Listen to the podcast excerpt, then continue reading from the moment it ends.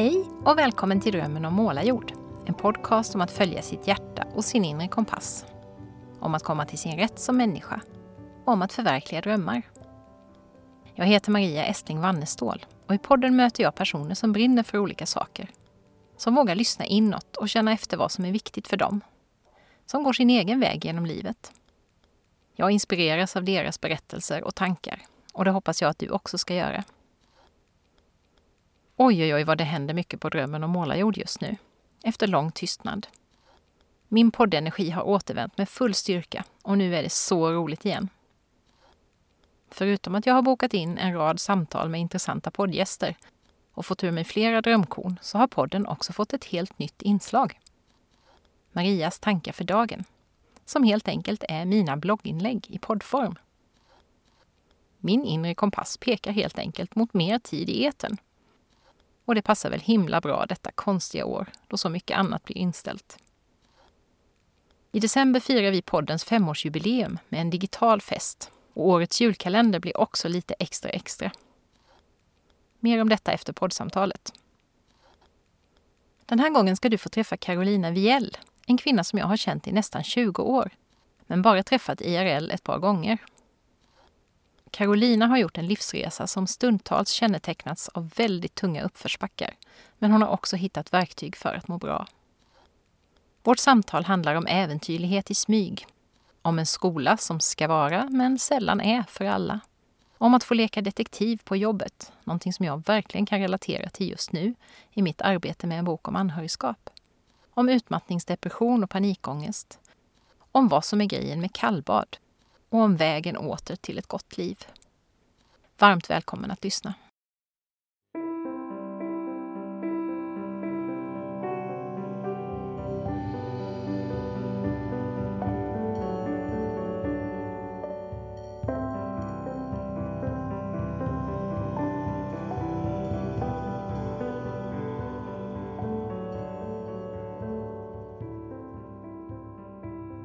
Då så vill jag hälsa dig välkommen Carolina som det känns jätteroligt att få se eh, för första gången på, vad sa vi nu, 6-15 år eller något sånt där ser vi varandra faktiskt, även om vi gör det på Zoom då som vi just har pratat om hur bra det är med Zoom, även om man kan bli väldigt trött på det nu i coronatiden, man sitter så väldigt mycket vid skärmen. Så, så är det ett fint sätt att få se varandra igen mm. och vi kommer nog komma in på hur vi träffades tror jag eh, lite längre fram i, mm. i podden. Men jag tänkte att jag skulle bara börja med att eh, ställa frågan till dig vem du är lite sådär allmänt och just nu för de som inte känner dig. Jag känner ju dig ganska väl då på ett sätt och inte alls på ett annat, vilket är en väldigt fascinerande kombination. Men, mm. men hur skulle du liksom eh, presentera dig för någon som inte känner dig? Ja, men vem är jag? Jag tycker det är svårt. Alltså, vem är jag? Därför att man är så många delar i en och samma person. Mm. Men ja, en del av mig är trebarnsmamma. En annan del av mig är någon som älskar att bada kallbad. Och Just. den tredje delen av mig är universitetslärare. Mm. Precis. Och vem är du om du tänker på, vem är du på insidan? Kan man ställa en sån fråga? Om det här är dina roller och intresseområden. Vad, vilken typ av person är du inuti tror du? Ännu svårare då. Frågan är, vill jag berätta det här? Vill du berätta det eller ska vi bara låta det? men på insidan så är jag, men jag är en ganska glad och positiv människa. Mm. Eh, lite småbusig och lite små äventyrlig. Jag hittar gärna på, li alltså kanske inte stora äventyr, men små, små äventyr. Mm. Och sen så har, brukar mina barn säga att jag har temperament som en italienare. Så jag blir jätteglad och jättearg och det svänger fort. Just men det är, liksom, det är ingenting som är långsint på något vis. Nej. Ja, men det var väl en jätte, jättebra eh, beskrivning. Det är ju det. det. det. här brukar vara den svåraste frågan för alla om jag frågar det. Jag gör det inte alltid, men jag gör det ibland. Vem är du? Och va? va? Det kan ju inte jag beskriva, det kan ju bara någon annan säga, men jag tyckte du gjorde det väldigt bra. Och jag ser ju på dig, jag, jag, känner ju igen det du beskriver. Jag tycker också du är en, en sån här glad och frisk fläkt. Och sen är du, ibland tänker jag på dig också lite som en, en vippgubbe som, som eh, liksom går igenom ganska många tuffa saker, men som hela tiden reser dig och, och tar dig igenom och hittar ut på andra sidan och hittar strategier och så där. Så det tänkte jag också att vi skulle prata lite grann om idag och kanske inspirera någon som, som har det tufft just nu till exempel. Mm. Men jag tänkte vi skulle börja med, alltså jag blir lite nyfiken när du säger det här med busig och äventyrlig och, och sådär och temperamentsfylld. Är det någonting som, stämmer allt det här på dig även som barn eller är det, finns det saker som har varit annorlunda när du var barn och som eh, inte är så nu eller hur? Men jag tror att de här bitarna har nog alltid funnits i mig. Eh, men de har däremot alltså, utvecklats mer. Jag var känd till exempel när jag var barn för att jag alltid var glad. Men då upplevde människor att jag sällan kunde bli arg. Okay. Så det här att liksom på något vis kunna bli arg och sätta gränser har tillkommit liksom. Mm. Eh, och då kanske jag inte var så busig. Skulle man fråga min mamma så skulle hon säga att jag aldrig någonsin hittade på några bus. om, om jag skulle se själv så skulle jag säga att jag var ganska egensinnig. Ah. Det vill säga att ville jag göra någonting, då gjorde jag det och då såg jag till att typ mamma och pappa inte såg när jag gjorde det så att jag kunde okay. få göra det ändå liksom. Så att någonstans sådär, alltid funnits lite gränstestande fast kanske ja. inte så att det har synts riktigt. Just det. Jag tänker lite Lotta på Bråkmakargatan där också. Jag kan visst cykla i smyg. Jajamän. Ja, men det, jag, tycker det, jag tycker alltid det är spännande att prata om det här med hur, hur vi var som barn, vad vi har med oss redan från mm. början och vad det är vi utvecklar. För det, det är ju så, vi, vi gör ju våra livsresor och möter en massa saker som får oss att utveckla olika egenskaper också. Men så har vi någon slags grund med oss ofta. Sen kan vi bli väldigt, jag tycker jag är på vissa sätt väldigt lik mig själv som barn och på vissa sätt verkligen inte. Mm. Så att, eh, mm, det, det, det, kan ju vara både, det kan både vara hoppingivande och tvärtom kanske ibland, men jag tycker ofta att man kan, man kan ändå känna att ja, men man måste inte vara samma person hela livet på något sätt, utan man kan också förändras och utvecklas och, och lära sig saker och hitta nya, nya eh, egenskaper kanske som man inte ens visste att man hade. Så. Ja, din resa nu då, var ska den börja? Förutom att vi har kikat lite på en smygbusare där till, till barn. Men eh, visste du, jag tänker på det här med riktning som vi pratar mycket om i den här podden. Med, var det någonting som du visste tidigt vad du till exempel ville jobba med eller hur du ville leva eller, eller så? Eller var det, är det sånt som har växt fram genom åren? Alltså det är väl sådär 50-50. Mycket kan jag se att det, det alltså, går ju tillbaka till barndomen och har egentligen funnits en väldigt tydlig riktning. Sen har det ju blivit många avsteg på vägen och, och vissa bitar kommer man tillbaka till och andra bitar släpper man. Men om man tänker just det här nu att, att jag jobbar som universitetslärare då i historia så mm. kan man tänka att redan när jag jag kommer ihåg det första provet som jag skrev, liksom, det första jag kommer ihåg från skolan, det var liksom när vi skrev ett, ett prov i, i, sten, om stenåldern. Och jag mm. tänkte, åh vad roligt det här var. Så då kan jag någonstans hamna där på lågstadiet. Och sen om man tänker i nian, så, eller på högstadiet, så hade jag en fantastisk lärare i historia och geografi. Och då är det så mycket riktigt, så här, vad pluggade jag sen på universitetet? Ja historia och geografi. Just det. Det är så intressant vad det, vilken betydelse våra lärare har för oss. Det har jag hört många som har sagt. Ja, så att någonstans så jag kan se att det där har ändå funnits i mig ända från början. Sen har jag gjort många avsteg på vägen innan mm. jag äntligen har kommit hit. Men riktningen kan jag se långt, långt, långt tillbaka. Ja. Ja, det är spännande. så känner jag ju också med det här att jag, jag tog också ganska mycket avsteg då, men jag var ju väldigt intresserad av att skriva som barn och, och sen nu liksom ja, efter 40 så har jag tagit upp det igen. Det tog, det tog sina krokar men, men det fanns ju där väldigt, väldigt, väldigt tidigt och det, mm. det är häftigt. Och, och... Jo, det är kanske det liksom som gör, alltså vissa delar som drar tillbaka en ja. när saker och ting händer. Ibland tänker jag att eh, man ska liksom kanske inte göra så stort motstånd mot vissa saker, Nej. utan bara inse att det här är något för mig. Just det här är min väg genom mm. livet. Men du, det här med att, att det blev att du kom att hamna i den akademiska världen, var det någon plan du hade när du började plugga eller var det något som hände längs vägen eller vad, hur gick det till? Ja, men, nej, egentligen är det alldeles fascinerande att jag eh, hamnade i den akademiska världen därför att jag kände mig väldigt dum när jag gick i skolan. Jag hade jättejobbigt att läsa, jag hade jättejobbigt att skriva, jag hade inte särskilt bra betyg och sådär. Så jag kände mig faktiskt ganska dum. Men var det någonting som jag verkligen gillade så var det här att skriva och forska de här egna arbetena. Och sen så tog jag studenten då mitt under 1990-talets värsta arbetsmarknadskris. Och det. och det var någonstans sådär att när man tog studenten då som jag gjorde 93 så fick man välja på att bli arbetslös eller börja på universitetet. Mm. Och, och jag valde universitetet helt enkelt. Och eh, där på något vis så räckte det att jag kom innanför dörrarna så kände jag wow, jag är hemma. Det är ju här jag vill vara. Det är här jag äntligen kan få göra de här lite mer, läsa de lite mer avancerade böckerna. Alltså titta, göra det lite mer avancerade som jag nog egentligen hade velat göra tidigare. Men där det helt enkelt, jag var kanske på fel nivå i skolan på ja. något vis. Ja, just det.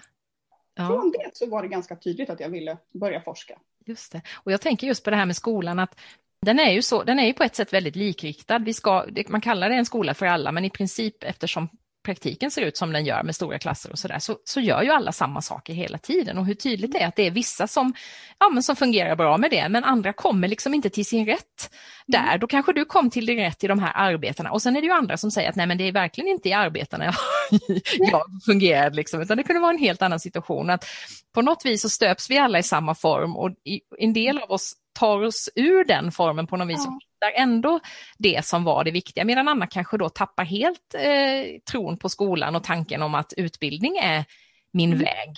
Därför mm. att det har känts så fel när man har man skulle, Det kunde, kunde ju lika väl varit så för dig då, som, som, du säger, att det var inte helt lätt för dig liksom alltid och sådär. Då hade det också kunnat bli att nej men skola och utbildning är ingenting för mig. Mm. Nej, så det är väldigt uh, Men däremot, så, ja, för mig blev det istället att när jag äntligen hittade rätt så ja. blev jag ännu mer fast. Ja, just det. För att jag alltid haft nyfikenheten att lära mig liksom, ja. och upptäcka. Ja, det... Sen säger de ju att jag är så extremt envis människa. Ja. så att jag ger mig ju aldrig. Jag kunde ha gett upp såklart. Sen måste jag ju erkänna att jag skäms ju om jag ser så att säga mina alltså, betyg från typ grundskolan. Det är ju sådär pinsamt. Det är sånt som jag inte vill visa för barn. men, å, andra sidan, ja, å andra sidan kanske det tydliggör då att det, alltså, det, det vi gör där, det, det kan hända väldigt mycket på vägen och, och, jag tänker ibland om man, om man är orolig för att man har dåliga betyg och så, så kan man ju tröstas av det att ja, det kanske inte alltid finns en tydlig korrelation. Jag skrev faktiskt mitt examensarbete på lärarutbildningen om mm. precis det där med korrelationen mellan betyg och framgång i fortsatta studier, vilket har en väldigt, alltså det är väldigt lite av det som, som hör samman. Det kan gå jättebra trots att man har dåliga betyg och det kan gå jättedåligt trots att man har jättebra betyg. Så det, det, det finns inget... Kan, kan jag känna där, det är någonstans att, att försöka släppa det här dåliga självförtroendet ja, just det. som har gett. Och det är någonting som jag alltid måste kämpa med. Mm. Därför att någonstans är det så att det finns ändå en stämpel på att jag är nästan lite dum i huvudet. Eh, och, och det måste jag någonstans släppa och tänka att nej, men så är det inte. Jag kanske bara inte passade riktigt i Nej. skolsystemet. Exakt. Mm, ja, nej, det tycker jag är jättefascinerande och jag kan bli så frustrerad ibland och tänka att åh, kan vi inte bara liksom revolutionera hela skolan och göra någonting helt annat av det istället än som det ser ut. Ja, men det försöker man ju hela tiden göra. Man försöker ja. ju hela tiden utveckla skolan så att den blir bättre. Men ja. sen är det ju, alltså det här är ju på något vis en, en pågående debatt som har pågått ända sedan, sedan, alltså sedan antiken. Ja, Hur lär vi våra barn? Ja, visst. Eh, och debatten är nog inte färdig. Nej, den är nog inte det. Alltså pågått så länge redan nu. Så är det. Men jag tänker att det har, på de, de, senaste åren så har det blivit sånt extremt fokus på just det här med betyg och bedömning och att det är det hela tiden. Så att man, jag tänker att lärandet ibland liksom försvinner för att det är, så, det är ständigt de här målen som ska uppnås och man blir hela tiden bedömd, bedömd, bedömd. Och just det där mm. med, med självförtroende och självkänsla och så kan ju mm. bli jättetufft då när man ständigt ska utvärderas på något sätt. Men du hittade din, du hittade din plats eh, på mm. universitetet. Och, ja, men vad var det liksom i den, det var det här med lärandet och så, men var det också eh, själva miljön eller vad, vad var det som fascinerade dig där? Ja, men det är nog mest arbetsuppgifterna. Att få tänka, att få utmana, alltså, att lite få vara detektiv. För det är mycket ja. det det handlar om, att, att forska, liksom, att, ja, men att, att få upptäcka saker. Att få vara nyfiken, att varje dag få gå till jobbet och vara nyfiken och lära mig något nytt. Just det. Spännande. Och nu, eh, för du har ju, du har ju doktorerat nu, är det två år sedan? Eller ja, när var det? lite ja. mer än två år sedan. Ja. ja, just det. Och vill du berätta bara lite kort för eh, de som inte vet vad det är du har snöat in på då? För det gör man ju, man nördar ju ner sig i någonting när man skriver en avhandling, eller hur? Ja, men jag nördade ner mig i den personliga hygienen kring sekelskiftet 1900. Mm. Eh, och när man då helt enkelt hade upptäckt bakterierna och man hade konstaterat att om man så att säga badar och tvättar huden så, så får bakterierna inte samma chans att göra människan sjuk helt enkelt. Som, och, och hur man då började berätta berätta för befolkningen att ni behöver bada och tvätta er lite oftare. Och, så det jag framförallt har studerat är hur man för ut budskapet till befolkningen om att man ska bada mer än, då badade man ungefär ett varmbad om året. Mm. Och man helt enkelt skulle bada lite oftare än det, det vill säga ungefär en gång i veckan var målet att få hela den svenska befolkningen. Så I grunden så har jag studerat budskapet. Ja. Vad spännande. Och då kommer den naturliga följdfrågan, ditt eget intresse för kallbad, väcktes det under arbetet med den här avhandlingen eller fanns det där tidigare? Ja men det här är just, just det här när man kan se hur saker och ting går tillbaka till barndomen. Jag har alltid hållit på med bad och simning i mm. alla år. Jag ja, började med och började och gick i simskola för tidigt, fick dispens för att börja på simskola eftersom jag drog med mig min mamma till simskolan varje gång men inte fick vara med på lektionerna. Så till sist fick jag dispens och sen så efter det så började jag simträna och efter att jag simtränade så blev jag simlärare och sen har jag egentligen parallellt med studier alltid varit simlärare eller simlärarutbildare eller ansvarig för simskolor och sådär. Så, mm. vatten har alltid funnits för mig. Sen måste jag väl säga att intresset för kallbad och bastubad kom mer under avhandlingsarbetet. Ja. För då blev det liksom, när man sitter och läser om hur nyttigt det är att bada bastu och, och hur nyttigt det är typ med kallbad, ja men då är det lite lätt att gå och prova. Just det. så det växte där då, men röda tråden har alltid funnits. Ja, just det. Och då, alltså, det har ju exploderat sista, alltså jag tycker det är sista året. Jag tycker halva Facebook är fullt med människor som badar kallbad plötsligt. Vad kommer detta av? Du, du har ju alltså, gjort det lite längre då, men varför? Det är en jättetrend. Jag är lite ja. fascinerad också över den här trenden. Hur kommer det sig att alla börjar bada? Men jag tror att det är den här strävan över, efter att man försöker hitta olika strategier att må bättre. Mm. Eh, och kallbad är ju känt just att man till exempel det, det släpper lös endorfiner så att man får, man får enorma lyckokänslor efter att man faktiskt på många sätt har utstått det här hemska badet. För det är, det är sällan att det är riktigt skönt att gå ner i det där noll eller två eller tre eller fyra gradiga vattnet. Ja, just det. Men efteråt är det ju sån häftig rush i kroppen. Mm. Och man brukar ju säga att man ångrar aldrig ett bad och nej, man ångrar aldrig ett kallbad heller. För just den här ruschen är så häftig. Och jag tror att det är ett sätt som passar många som kanske rent fysiskt inte till exempel kan utföra yoga eller som inte kan mm. ut och springa eller sådär. Alltså det är ett enkelt sätt att få den här välmående känslan. Ja. Bara man kan på något vis härda sig i det här kalla vattnet ja. så får man kicken. Just det. Och det var ju ganska lämpligt med tanke på coronaåret 2020 också, för det är ju en aktivitet som är relativt coronasäker ja. också, att ge sig ut och bada i en, i en sjö. Ja, och dessutom så är det ju immunförsvarshöjande. Dessutom ja, just det. Ja, både bastu och kallbad är immunförsvarshöjande, så det. Det, på det viset så är det ju en dubbel. Det är inte ja. någon trängsel på stränderna så här års och det är immunförsvarshöjande. Just det, så vi kanske skulle be Stefan Löfven gå ut och rekommendera fler eh, kallbad helt enkelt för att stärka befolkningens immunförsvar lite generellt sådär. Precis, det kanske är nästa steg. Ett kallbad om dagen håller doktorn borta. Strunt i vaccinet, vi kör på kallbad istället. precis.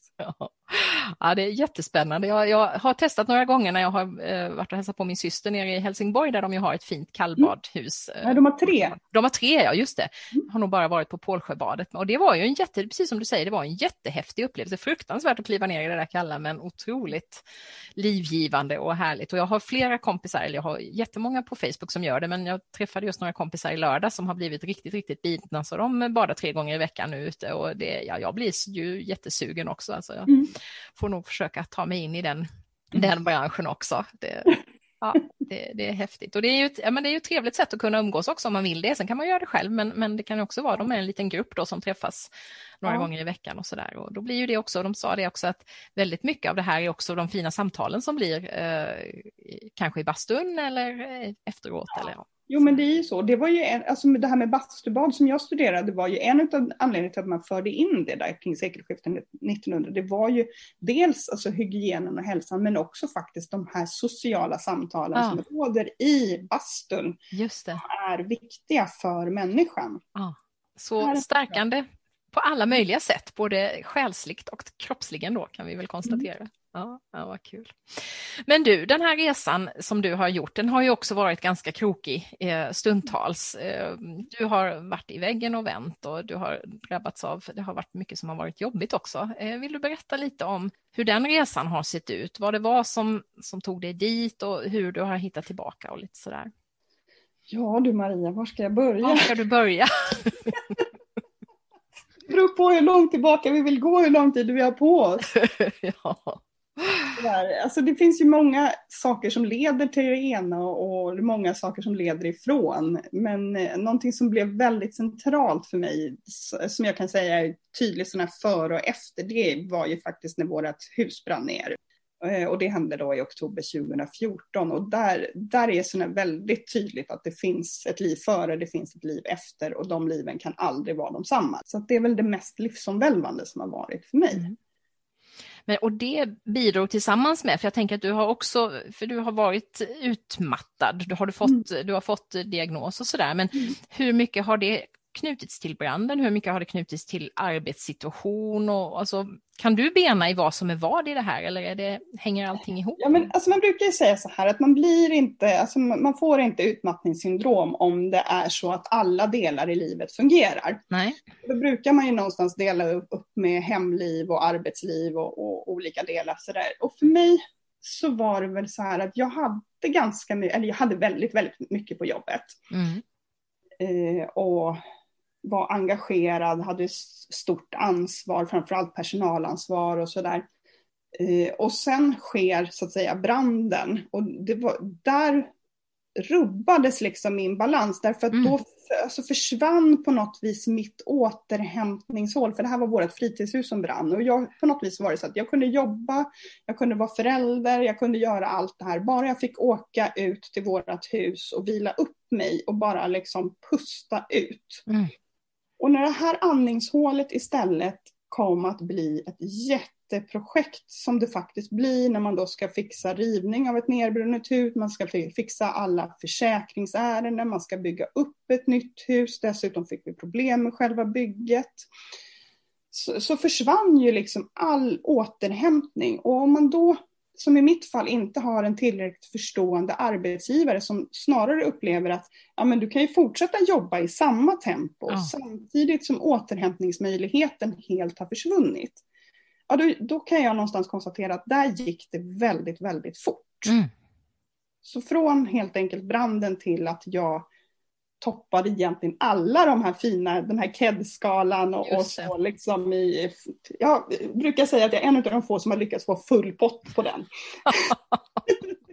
liksom, och drog på mig dels, alltså dels utmattningssyndromet men dels också då eh, följdsjukdomarna med, med en svår depression och panikångest. Ja. Sådär. Så allt det här hände inom loppet på ett år. Mm. Just det. Så det var både fysiskt och eh, psykiskt dåligt mående kan man mm. säga att det tog sig uttryck i det här då? Ja, precis. Mm, mm, just det. Och det som var absolut jobbigast var ju panikångesten, ja. för den blev ju så otroligt begränsande. Ja, det var så fruktansvärt jobbigt därför att när det var som värst så, så gick panikångestattackerna bara i ett. Den, mm. den, den, släppte precis och så kom nästa och så kom ja. nästa och så kom nästa. Så att där var några veckor när jag egentligen bara låg på soffan och bara hade panikångest precis hela tiden och det gick inte ens att häva med mediciner. Fick, vad fick du för stöd för att komma tillbaka? För jag, tänker att, jag, jag, tror, jag tänker att mycket av att du har kommit tillbaka har att göra med din personlighet och det som du har med dig sedan barndomen. Men har du också fått någon form av yttre stöd? Ja, men från, alltså från början så blev ju det yttre stödet väldigt, väldigt viktigt. Eh, alltså dels från sjukvården. Eh, ja, först så var det ju så att det var ju inte jag som så att säga sjukskrev mig egentligen. Eller, alltså man godkänner alltid en sjukskrivning, men jag kom ju dit och, och ställer liksom frågan, så här, vad gör jag? Jag kan inte sova längre. Och då kunde jag sova ungefär två timmar i taget som längst och max fyra timmar per natt. Mer än så mm. kunde inte jag sova. Så jag sökte liksom läkarhjälp för sömnproblem helt enkelt. Och då tittade den här läkaren på mig och sa till mig att jag tror inte att det är sömnen som är problemet. Men jag sjukskriver dig en vecka och så får du vila upp dig. Och det var då de här panikångestattackerna kom liksom. Mm. Och det innebar då att jag dels fick en hel del mediciner, både ångestdämpande och antidepressivt. Men sen så fick jag också gå i terapi. Mm. Så det var liksom det här mest akuta behandlingen som jag fick. Ja, just det. Mm. Och kände du att det gav dig, kunde du hitta tillbaks någonting av dig själv tack vare det då, eller hur? Alltså just där och då så var det mer att behandla något som var väldigt, väldigt akut. Mm. Därför att då var jag inne i en period som jag, alltså det var, det var en destruktiv period. Liksom. Mm. Jag kunde liksom inte ens se varför jag skulle fortsätta leva, liksom, därför att jag mådde så himla dåligt. Så att det, det var mer, ja men dämpa värsta topparna. Mm. Och, och någonstans sådär. Så att det var egentligen, kan det varit sju månader eller någonting som jag överhuvudtaget egentligen inte kom ut ur lägenheten. Och, och där allting egentligen allting var för jobbigt. Alltså det, det var övermäktigt att gå från sängen till toaletten. Liksom. Mm. Och det jag gjorde för att, dämpa ångest var att jag duschade i skållhett vatten hela tiden för att liksom på något vis skada kroppen så att ja. dämpade smärtan. Liksom. Just det.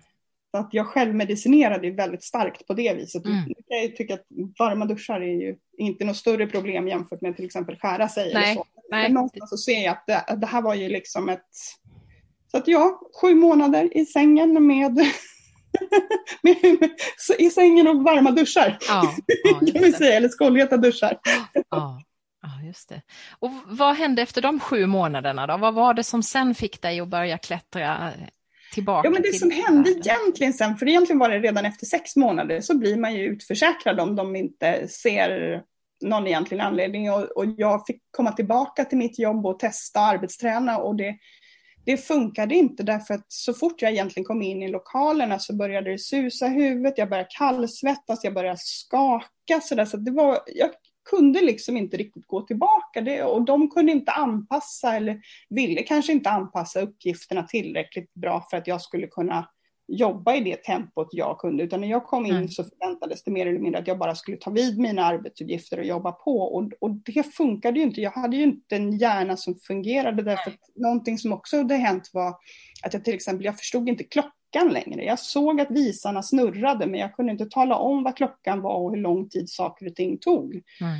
Och det blir ju otroligt handikappande och jag kunde, jag hittade inte hem längre. Så att eh, jag kunde, ja, ni mm. vet, jag tappade bort mig helt enkelt. Jag fick minnesluckor så att ibland kunde jag varit på ett ställe, sen vaknade jag upp kanske en halvtimme, en timme senare på ett annat ställe och jag mm. vet inte hur jag tog mig dit liksom. Och i den situationen ta upp då det arbetet som jag hade. Nej, det, det går det är ju liksom helt omöjligt. Ja, visst. Ja, alltså det, det gick inte. Ja. Och samtidigt då så blev jag utförsäkrad därför att de tyckte att ja, men, du ska ju typ vara tillbaka nu. Och det, det, det var ju sådär, det, det är jag ju inte, jag är ju inte ens mig själv liksom. Eh, och då gjorde faktiskt jag och min man ett sådär lite abrupt beslut någonstans att vi bestämde att jag skulle ta upp min doktorsavhandling som låg vilande. Och att han så att säga skulle finansiera det så att vi i familjen skulle betala att jag fortsatte doktorera fast utan betalt. Då. Mm.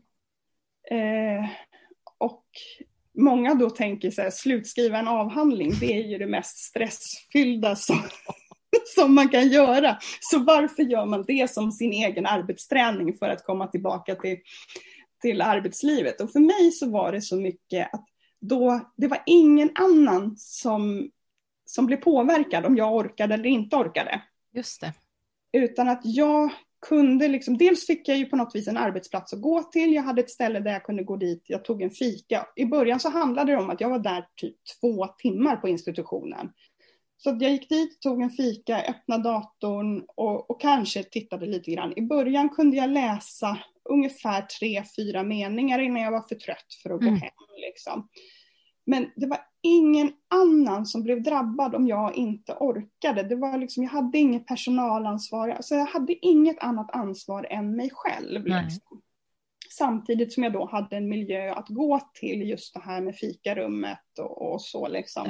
Sammanhanget som vi ja, behöver, som man ju pratar mycket precis. om i stress. Jag hade ett sammanhang men inga krav på mig. Liksom. Nej, just det. Och från det så kunde jag då sen successivt utöka hur mycket jag kunde läsa, hur mycket jag kunde skriva, hur många timmar jag kunde liksom sitta ner och göra någonting. Och det sen resulterade i att till sist så blev det en avhandling och där jag disputerade. Och det, ja, och det var, alltså det var en jätteseger för mig. Dels att avsluta någonting som jag hade börjat och på något vis lagt åt sidan dels att faktiskt bevisa för mig själv att jag kan göra saker igen. Att jag, för någonstans just det här när man till exempel inte förstår klockan längre, då känner man sig ju rätt dum i huvudet faktiskt. Ja, men, men, att kunna då skriva en avhandling talar ju om att ja, men det finns ju faktiskt lite där uppe som snurrar fortfarande. Mm. Så det varit en, en, en stor seger faktiskt. Ja, det förstår jag. Och kunde du under den här, för jag tänker det är ju en process då, hur lång tid tog det från det att du började där efter sex månader till att den var färdig?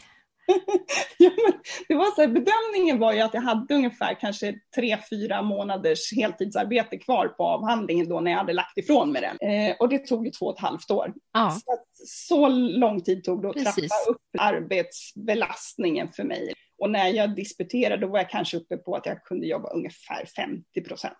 Kunde du, kunde du se, samtidigt som du var mitt i det här, kunde du också liksom stå vid sidan av och se dina förmågor komma tillbaka och mm.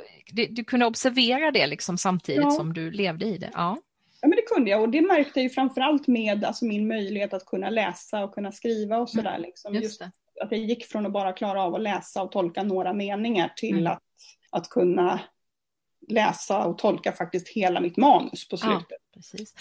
Släppte då, alltså det här med depression och panikångest och så, släppte det också i takt med att du hade ett sammanhang och, och mådde bättre och kunde fungera bättre, eller hur? Ja, men de här akuta bitarna eh, släppte. Mm. Men däremot så är det någonstans att när jag blir, trö blir trött, för det är så lätt att, att driva sig själv för, för hårt så att säga. Mm.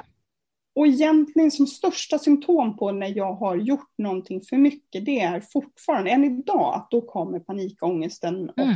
depressionen så att säga tillbaka. Liksom. Då blir jag väldigt nedstämd och jag får panikångest. Så därefter så har ju mitt mål blivit att aldrig komma upp riktigt till de nivåer det blir så trött. Så det har blivit, och det blir ju också någon slags varningsklockor då, tänker jag, det här mm. när, man, när man har varit med om en sån här sak, så ser man de där tendenserna så drar man kanske då i i mm. bromsen mm. lite tidigare. Mm.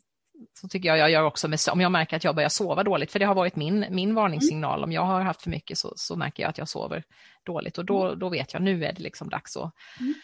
tänka till här, ta en liten paus och fundera över var, var är jag nu. Och... Jo men så är det och i början så, så Alltså så gjorde jag ju mina vurper ganska ofta. Jag tyckte att någonting var så kul och så bara gjorde jag och så, och så kom liksom panikångesten som ett brev på posten. Men det kan jag märka med åren att det blir mer och mer sällan som jag mm. får mm. de här symptomen. Så att jag inser att jag blir bättre och bättre på att hålla på mina gränser så att mm. säga. Och känna efter att nej men nu, nu är det för mycket, nu bryter vi liksom. Det här är inte, det är inte värt det. Nej, precis. Du använde ett, ett bra ord där innan vi slog på mikrofonen tror jag, men du pratade om energibalans och det är väl egentligen det det handlar om då, att det får inte, slå, det får inte bli för mycket energi, för då går du igång för mycket och då blir det, alltså att försöka balansera det. Vill du berätta om hur du ser på det? För det har jag pratat Jo, men jag ser ju på det som energibalans någonstans, att jag tänker att jag har en viss mängd energi och, och sen kan man ju få energi av saker och man kan bli inspirerad och man kan stressa upp sig. Och, och på något vis, en del saker dränerar en på energi, en del ger en energi. Och så gäller det att hålla lagom balans. Så att det inte mm. blir för mycket. Jag får framförallt inte tömma mina resurser för mycket. Och här handlar det också om att, att välja mina sammanhang. Därför att är det ett sammanhang där jag känner att det tar mer energi att vara, då ska jag inte vara Nej. där. Liksom. Men däremot är det ett sammanhang där jag känner att jag får mycket energi, ja, men då kan jag kanske göra desto mer. Precis. hela mitt liv har blivit ganska mycket att, jag menar att faktiskt hela tiden mäta energinivåerna på mig själv. Det är lite som ett batteri. Är det ja. grönt eller är det rött? och dit vill vi, till det röda, den röda vill vi inte komma till utan eh, stanna Nej, på precis. Då. Redan vid orange får vi dra i bromsen och inse att det här är inte positivt. Nej, och det kommer inte gynna någon. Precis, och jag tycker det är så intressant det här med just sammanhang och eh, sociala eh, situationer och sådär. För man pratar ju mycket om det här med introvert och extrovert och var man, alltså är man en person som tankar energi ur sociala sammanhang eller tankar man energi ur eh, en, ensamhet och, och, så. Men det är ju precis som du säger, de där sociala sammanhangen, det har ju att göra med vilken typ de är mm. också, för sån är jag ju också. Jag, har ju också jag, jag, är ganska extrovert på vissa sätt, men det finns ju sammanhang där jag definitivt blir jättedränerad. Det är inte så att jag alltid blir glad av att umgås med andra människor, mm. utan det är ju jätte, jättemycket beroende på vad det är för typ av sammanhang. Så att mm. eh, jag tycker det, den, den, det, det, är så komplext det här, det går inte att säga mm. att det är det ena eller det andra. Utan men det, det går inte, och det går inte heller att säga om man är extrovert eller introvert. Nej.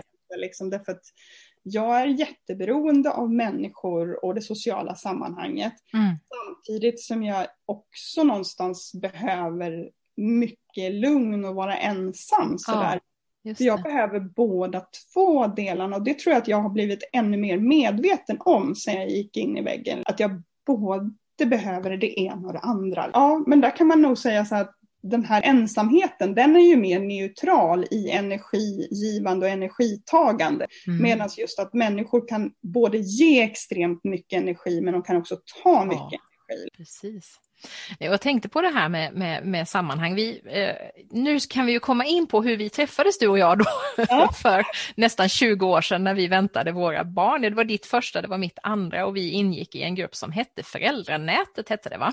Ja. Det var någon slags diskussionsforum, detta var ju före Facebooks tid och vi väntade ju då barn i december Mm. Eh, och mitt föddes den 22 och ditt den 26 om jag minns rätt. Mm. Var det så? Eh, och där lärde vi ju känna varandra och just det där, alltså det var så häftigt då att, eh, som vi pratade om här innan vi slog på mikrofonen också, det här att vi, vi blev ju så väldigt nära varandra. Det var ju ett sånt där typiskt energigivande sammanhang då, mm. där alltså man gick till den här gruppen och man kunde prata om allt och alla förstod precis, för man var i samma, vi var ju dessutom extremt lika i, alltså rent tidsmässigt i vår graviditet eftersom vi alla skulle föda barn med typ en månad månads...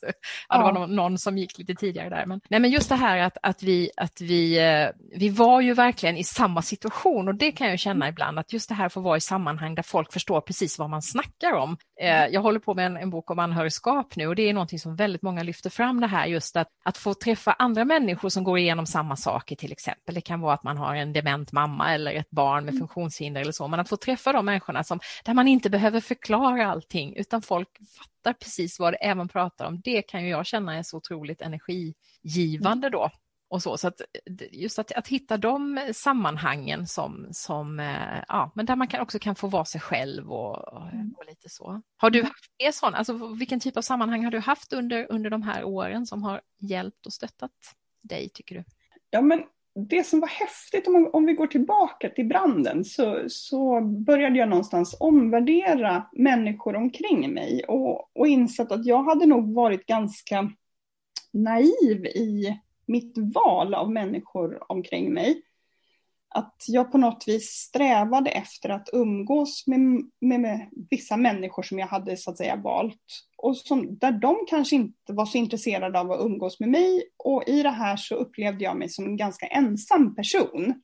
Och när huset då brann ner så, så det brukar alla prata om, när, när saker och ting händer, om någon dör eller så, så är det så att ibland de som står en väldigt nära, de kanske inte alls finns, medan andra helt plötsligt finns. Just det. Och i det här fallet så insåg jag att jag på något vis var väldigt rik på vänner. Det fanns otroligt många runt omkring mig som stöttade och fanns där. Det var absolut inte alltid de jag trodde som skulle finnas där.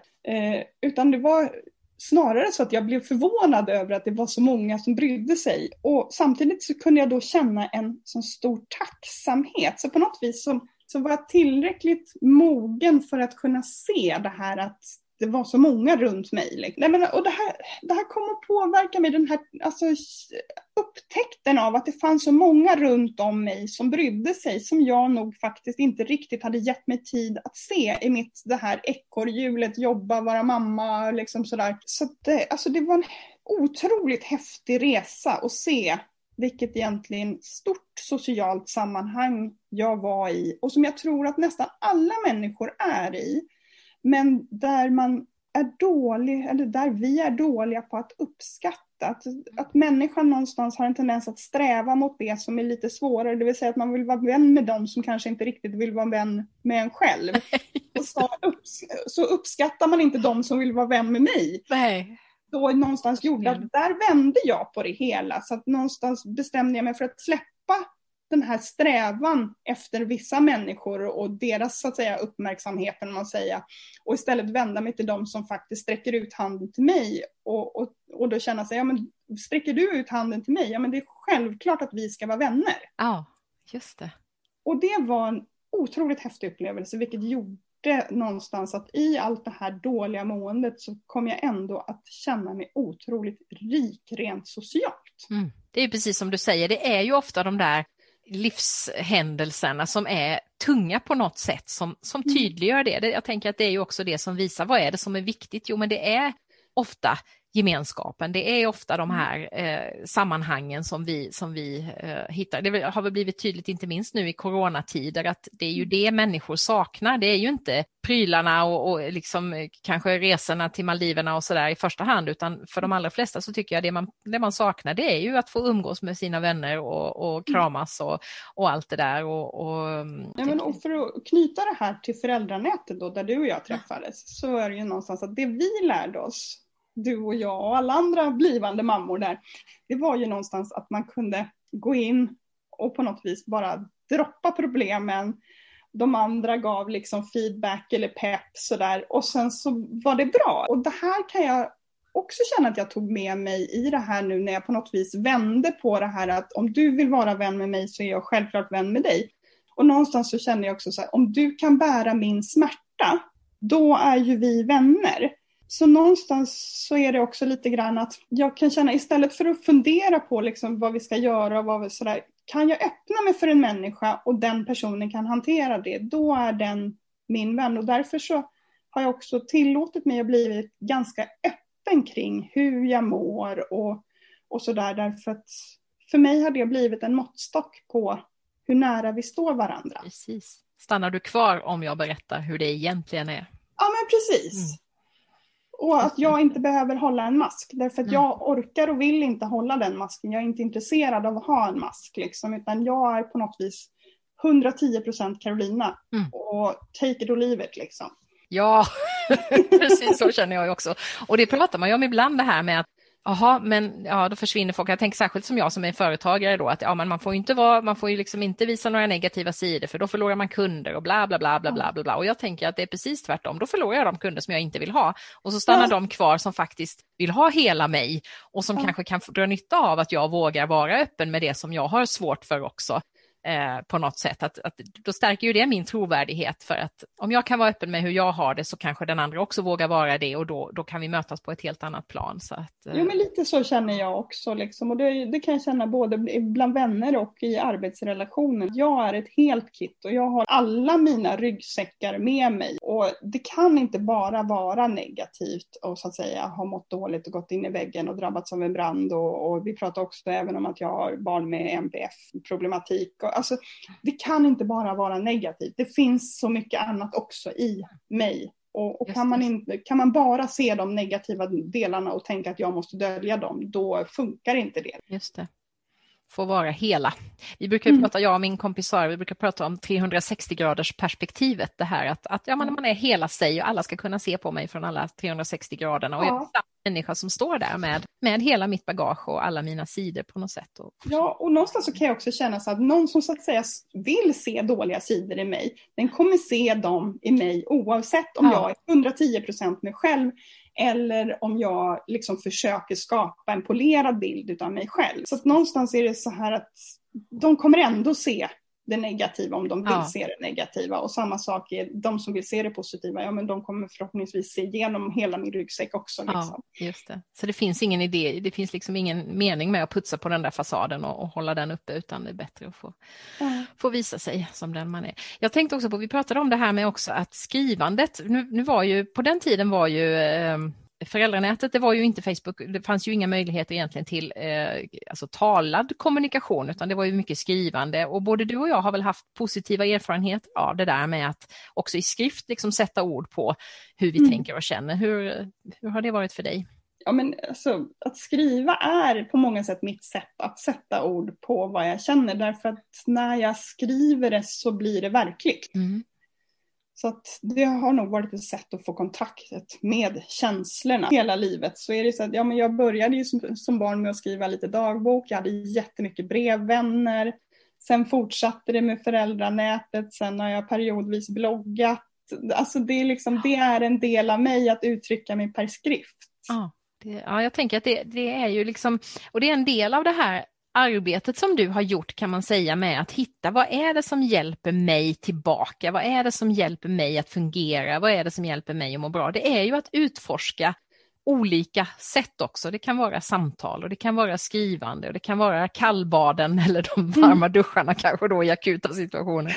Men, men, men just det här att på något sätt bygga sin egen verktygslåda med vad mm. är det jag behöver stoppa i den mm. för att jag ska kunna fungera som människa och må så bra som möjligt, komma till min rätt på bästa mm. sätt. Har du fler saker i den verktygslådan?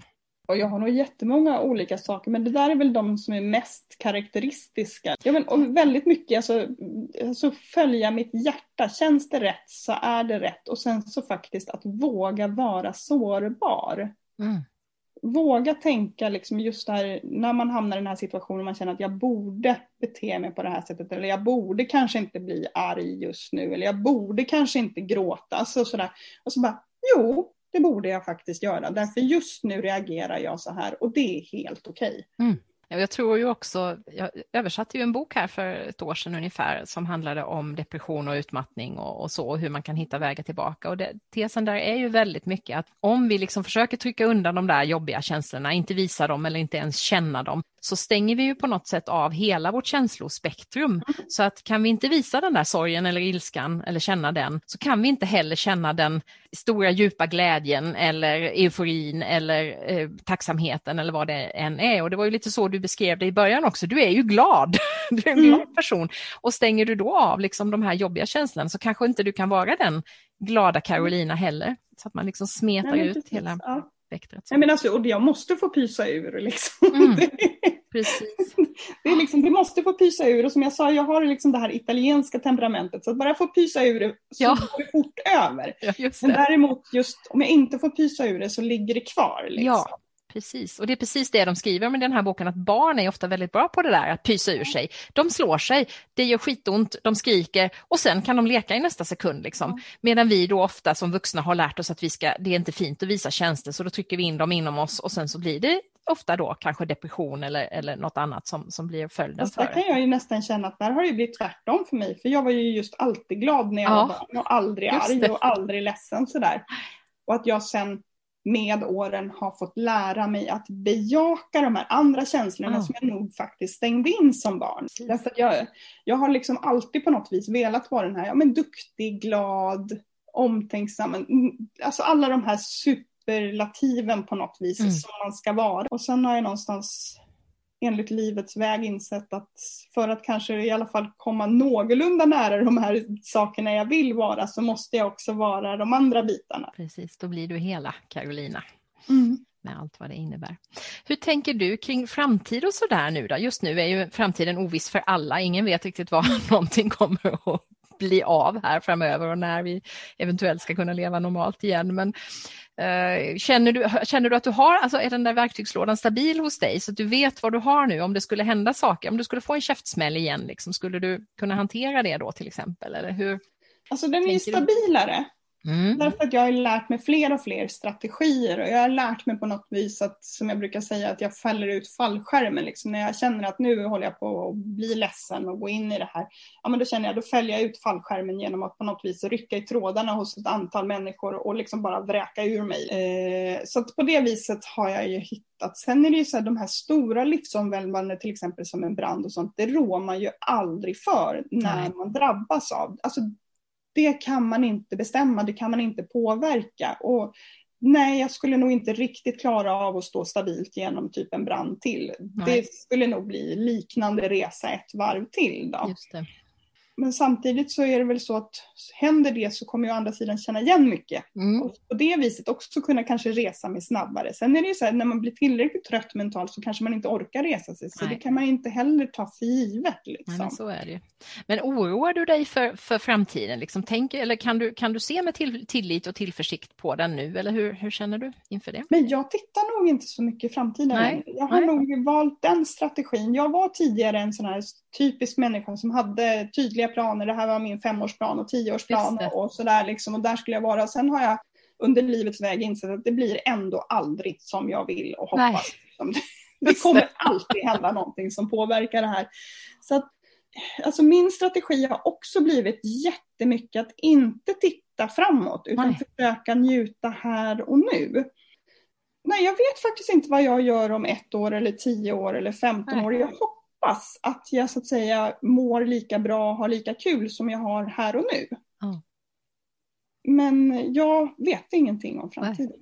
Och det är ju jättespännande och där, där är jag ju helt på din linje också, har också gått väldigt mycket från att försöka planera och, och förutse och, och sådär till att släppa taget om det och, och se vad som händer. Och det, mm. Livet blir ju, det blir ju otroligt spännande på det viset också tycker jag. För då ja, och samtidigt öppna dörrar. Jag att det blir väldigt skönt därför att jag slipper oroa mig för saker och slipper ja. ont i magen när saker och ting inte blir som jag hade drömt och tänkt och hoppats. Alltså det, det enda jag, alltså de sakerna jag egentligen vill om framtiden det är att ja, jag vill bli jätteglad om jag har typ en tryggad inkomst. Det är mm. väldigt praktiskt att ha pengar mm. sådär så man klarar sig.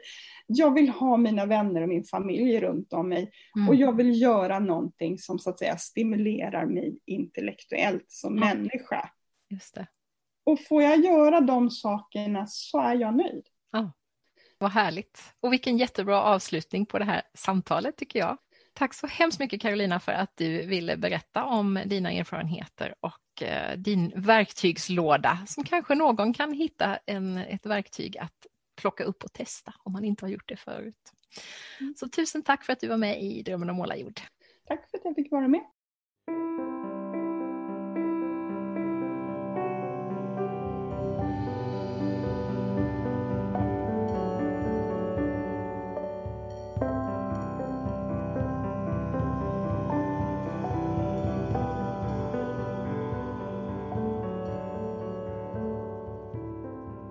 Ja, jag tycker att Carolina i vårt samtal är inne på några otroligt viktiga saker. Att den lilla bubbla av återhämtning som hjälpte henne att orka med ett i övrigt krävande liv med universitetsjobb och tre barn rycktes ifrån henne då huset brann ner säger någonting så viktigt om stresshantering. Vi klarar mycket så länge vi har möjlighet att återhämta oss. Men utan de där andningshålen fungerar vi inte längre. Det handlar också om vägen tillbaka, där Carolina fick möjligheten att hitta sitt sätt att hämta kraft och energi igen snarare än att följa någon annans manual. För mig är det precis detta som är att hitta sin inre kompass. Och jag tror att det är därför jag själv har hållit mig ovanför vattenytan och haft ett så bra liv under så många år nu. Trots att det på många sätt har varit påfrestande. Dels med mycket jobb, dels med mina två anhörigskap. Först till min demenssjuka mamma och de senaste åren till min son, där det bland annat finns både psykisk ohälsa och funktionshinder med i bilden. Jag har helt enkelt lärt mig vad just jag behöver för att återhämta mig och må bra. I mitt fall exempelvis yoga, meditation, träning och utomhusvistelse, vilket kan handla om såväl trädgårdsarbete som skogspromenader. Kanske ska jag pröva att lägga kallbad på den listan också framöver. Och så har ju både Carolina och jag upptäckt två viktiga verktyg som hjälper oss att sätta ord på våra känslor och tankar. skrivandet och de goda samtalen. Där vi får vara hela och sårbara. Där vi inte bara visar upp en glättig fasad utan också vågar dela med oss av vårt mörker. Var hämtar du själv kraft när livet utmanar dig? Har du hittat några vandringsstavar som hjälper dig att återhämta dig och skaffa ny energi? Kanske kan du upptäcka några fler sådana genom att kika tillbaka på gamla avsnitt av bloggen och podden. Jag tänker exempelvis på poddavsnitt 91 där jag och min poddklan reflekterar kring stöttande nätverk och sammanhang. Så var det ju det där med allt kul som händer i december. Dels vill jag förstås bjuda in dig som lyssnar till min digitala poddfest den 17 då vi firar att podden fyller fem år och hundra avsnitt med livepodd, incheckning med alla deltagare och en insamling till Sveriges Radios Musikhjälpen vars tema i år mycket lämpligt är Ingen människa ska lämnas utan vård. All information om evenemanget hittar du på Drömmen om Målarjords webbplats eller Facebook-sida. Jag brukar ju också göra en julkalender varje år. Någonting som startade redan på den tiden då jag drev bloggen Livstid tillsammans med min vän Sara.